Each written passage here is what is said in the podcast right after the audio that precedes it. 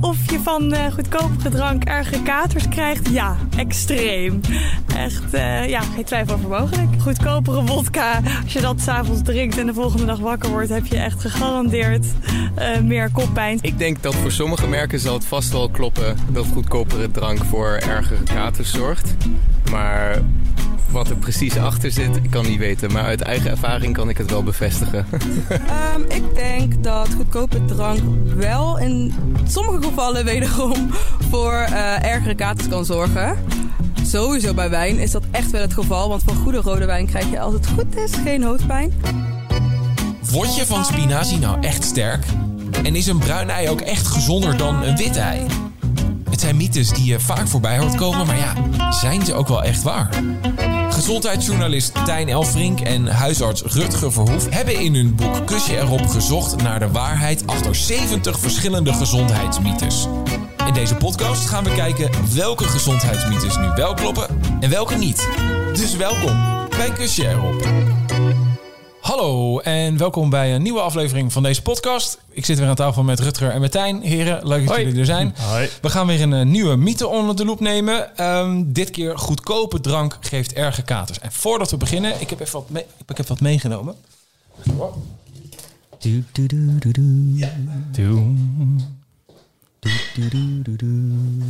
Ik dacht, dat is misschien wel handig. Ah, kijk. Ik heb namelijk zelf wat flessen drank meegenomen. eh, om even te kijken hoe erg dan de kater daarvan eh, is. Even kijken, we beginnen hier met een Chateau Migraine. Chateau Migraine. Nou, nee, dat niet. Het is een Vini Italiani. Het is een... eh, ja, wat is het nou eigenlijk? We hebben het ooit gekregen, maar we weten... Maar hij is al half leeg. Het is al wel half leeg, ja. Maar en, ja, hoe is je kater? Nou, ik heb hem niet net op of zo. Ik heb bijvoorbeeld hier ook gin. Eh, London Dry Gin, flavor infused. Hoe, hoe erg zou de kater daarvan zijn, denk je? valt mee. Valt mee? Ligt eraan hoeveel je drinkt natuurlijk. Ja, dat is waar. Ik heb hier ook eh mooi kaap, dus witte wijn. Ehm, is dat, ja, dat is de goedkoopste die ik kon vinden. Is, Ja. Krijg ik daar dan echt de heftigste kater van? Of, eh, Ja, het zal geen goede hoop zijn. nee, dat denk ik ook niet. Maar ja, nee, is, of is het niet zo makkelijk Ik- te ik- zeggen? Ja, nou, al- als ik dan toch moet kiezen, zou ik voor de gin gaan. Jij gaat voor de gin, Ja. Rutger. Wat, waar zou jij voor gaan? Ik ga ook voor de gin. Ook voor de gin? Ja. Nou, misschien kunnen we dan eh, na, de, na deze aflevering even een eh, lekkere gin tonic maken. Proost. Maar ehm, ja, laten we dan misschien even beginnen met... Wat is een kater eigenlijk? Kater, ja, ja, ik denk dat iedereen het gevoel wel kent. Onaangename gevoel. Na Ja. drankmisbruik. Ja, te veel drinken en met name het eh, vochtverlies Ja. is een probleem. Ja. Ja, want wat eh, alcohol doet, is het remt de aanmaak van het stofje ADH, antidiuretisch hormoon. Ja. Nou, dat hormoon zorgt ervoor dat je vocht vasthoudt. Nou ja, als de aanmaak van dat hormoon dus vermindert, dan laat je ook meer vocht vrij. Dus dan verlies je ook vocht. Ja. Daardoor ga je je slap en moe voelen. Ja. En er is ook En hoofdpijn. Een, ja, en er is ook nog een andere stof. Dat is een soort afbraakproduct van alcohol. En dat zorgt voor eh, met name misselijkheid, braken en hoofdpijn. Maar waarom heet het dan? Acetaldehyde heet dat. Dat wilde ik Die. even doorheen gooien. Ja, nee, Acetaldehyde. Moeilijk. Als je een keer een Als- trivia avondje hebt Ja. met een avond drinken. Mensen, denk eraan acetaldehyde. Maar waarom heet het een kater dan? Dat komt van het Duitse woord katar. En dat, eh, ja, dat dook voor het eerst op in 1850. En dat hebben wij eh, Nederlanders overgenomen. Gewoon, ja, Ja. prima, oké. Ehm, nou ja, de mythe is dus van goedkopere drank krijg je erge katers. Is er ook echt, ja, wat is het verschil tussen dure en goedkope drank anders dan de prijs? Nou, ik denk dat het belangrijk is om dan onderscheid te maken tussen wijn en overige dranken. Of Waarom? gedestilleerde dranken. Ehm, bij wijn speelt hem iets anders mee. Bij goedkope wijn wordt vaker en soms ook wat meer... ehm, God, hoe heet het spul nou? Sulfiet. Sulfiet. Ik kon even niet op het woord komen. Eh sulfiet gebruikt om te voorkomen dat die wijn bederft. En sulfiet, dat wordt wel echt in verband gebracht met hoofdpijn. Oké. En bij natuurwijn en bij wat duurdere wijn eh, wordt dat minder gebruikt of niet gebruikt. Oké. Zit er wat minder sulfiet in. Dus sulfiet in wijn zorgt er dus voor dat je er dus hoofdpijn van krijgt. Dat je daar hoofdpijn van kunt. Kunt krijgen, Ja. oké. En dan dus de andere dranken dan wijn? Maar ik wil nog even zeggen over de wijn. Het kan dus per persoon dus verschillen. Ze zijn er nog niet helemaal over uit waar dat dan precies, precies aan ligt. Hè, of dat eh, genetisch is. Mhm. Sommige mensen krijgen meer last van sulfiet dan andere mensen. Oh, oké. Zelfs allergische reactie.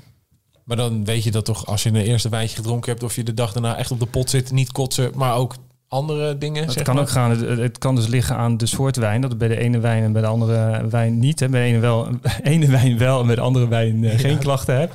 Eh, plus het feit dat het ook nog aan hoeveelheden kan gaan. Dat je bij de eerste glas geen last van hebt en bij de tweede wel. Ja, aan hoeveel je drinkt.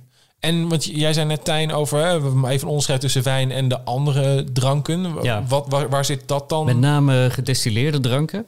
En daarvoor geldt dat hoe, eh, hoe duurder de drank, hoe beter het proces eh, is waarmee die drank wordt gemaakt. En bij de goedkopere varianten, ja, daar duikt ook nog wel eens een stof op. En dat zijn zogenoemde voezelalcoholen. Ja. En die geven toch wel echt een hele nare kater. Dus En- hoe beter... eh, nou ja, hoe beter de drank, hoe duurder de drank, hoe minder kans dat die stof erin zit. En Ja, is dus die eigenlijk is het ook zo hoe troebel, hoe, hoe meer troebel, hoe heftiger de katers. Ja, precies. Dus, dus als je kijkt naar wodka en in dit geval dus nu gin, dat is een hele doorzichtige drank, die zou dan dus het, daar zou de kater het minst erg van zijn. Ja. Ja, kijk, de beste manier om een kater te voorkomen is niet drinken. Oh, ja. Maar als je drank. dan toch wilt drinken en je wil zo min mogelijk kans op een kater, dan zou je inderdaad goede wodka moeten drinken. En tussendoor ook een glaasje water nemen. Ja. Maar jij zei, eh, eh, en dan misschien plop ik die nog even ergens tussendoor. Jij zei, er zit een mhm, alcohol in gedeelte. Voezelalcohol. Voezelalcohol. Is dat dan hetzelfde als die sulfaat van wijn? Sophie. Nee, Sulfiet, sorry? nee, sulfiet wordt gebruikt om te voorkomen dat wijn bederft. Ja. En de, een voezelalcohol is een bijproduct. Dus eigenlijk gewoon van ja, een, een slechte producent. Hoe duurder de drank, hoe beter het wordt gemaakt, hoe minder kans op die zogenoemde voezelalcoholen. Maar dat zijn dan een soort van... eh, door het langere proces worden die voezelalcoholen soort van weggedrukt dan waarschijnlijk, denk je? Of niet? Nou, het zijn ongewenste bijproducten. En ehm, hoe zit het dan bijvoorbeeld met bier? Want je hebt dus nu alleen wijn en eh distilleer, in ieder geval wodka-achtige dranken eh, genoemd. Hoe zit het bijvoorbeeld met gewoon een biertje? Ze zeggen Ja. altijd bier naar wijn. Ja, dat geeft venijn? Bier Ja. naar wijn geeft venijn. En dat heeft niets te maken met de drank. Het is zo dat je, als je vroeger rijk was, dan dronk je wijn. En als je arm was, dan dronk je bier. Oh. Dus als je van, van rijk naar arm ging, dus je gleed af, Ja. om het maar zo te zeggen. Dan was het nou, bier naar wijn geeft venijn. Ja, precies. Maar dat heeft niets met de drank te maken. Nee, oké. En, en hoe zit het trouwens in de verwerking tussen man en vrouw? Ben ik nu ook al even nieuwsgierig naar. Nee, nee, is het zo dat vrouwen sneller last krijgen van katers. het. Sneller last van alcohol. En dat het. komt omdat ze minder lichaamsvocht hebben. Oké. En ook nog kleiner zijn. Dus ze krijgen met eh, dezelfde hoeveelheid alcohol... krijgen zij dus een hogere concentratie in het bloed. En er is ook nog een, een enzym. En dat eh, noemen we met een moeilijk woord alcoholdehydrogenase. Oh ja. En dat is minder actief bij vrouwen. En wat dat doet is dat het nou ja, alcohol afbreekt. Oké. Dus eh, bij vrouwen is die minder actief. Dus gaat, ja, wordt de alcohol minder snel afgebroken.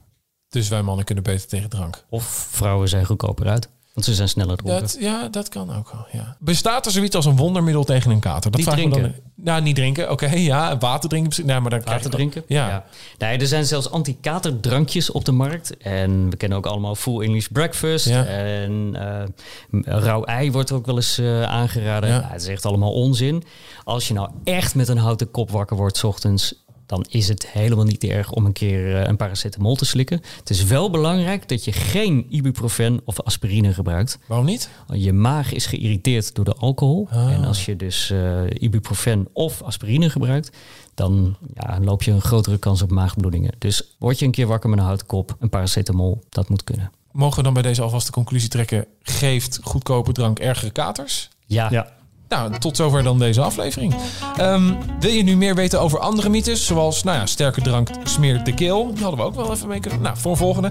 Eh, of eh, dik zijn, ja, dat is je eigen schuld. Wil je daar meer over weten over die mythes? Check dan vooral het boek. Dat heet ook Kusje erop. Eh, een link naar het boek, die vind je in de beschrijving... of bij een lokale boekhandel bij jou in de buurt. En abonneer op deze podcast. Vinden wij ook alleen maar leuk. Heren, bedankt. Tot de volgende keer.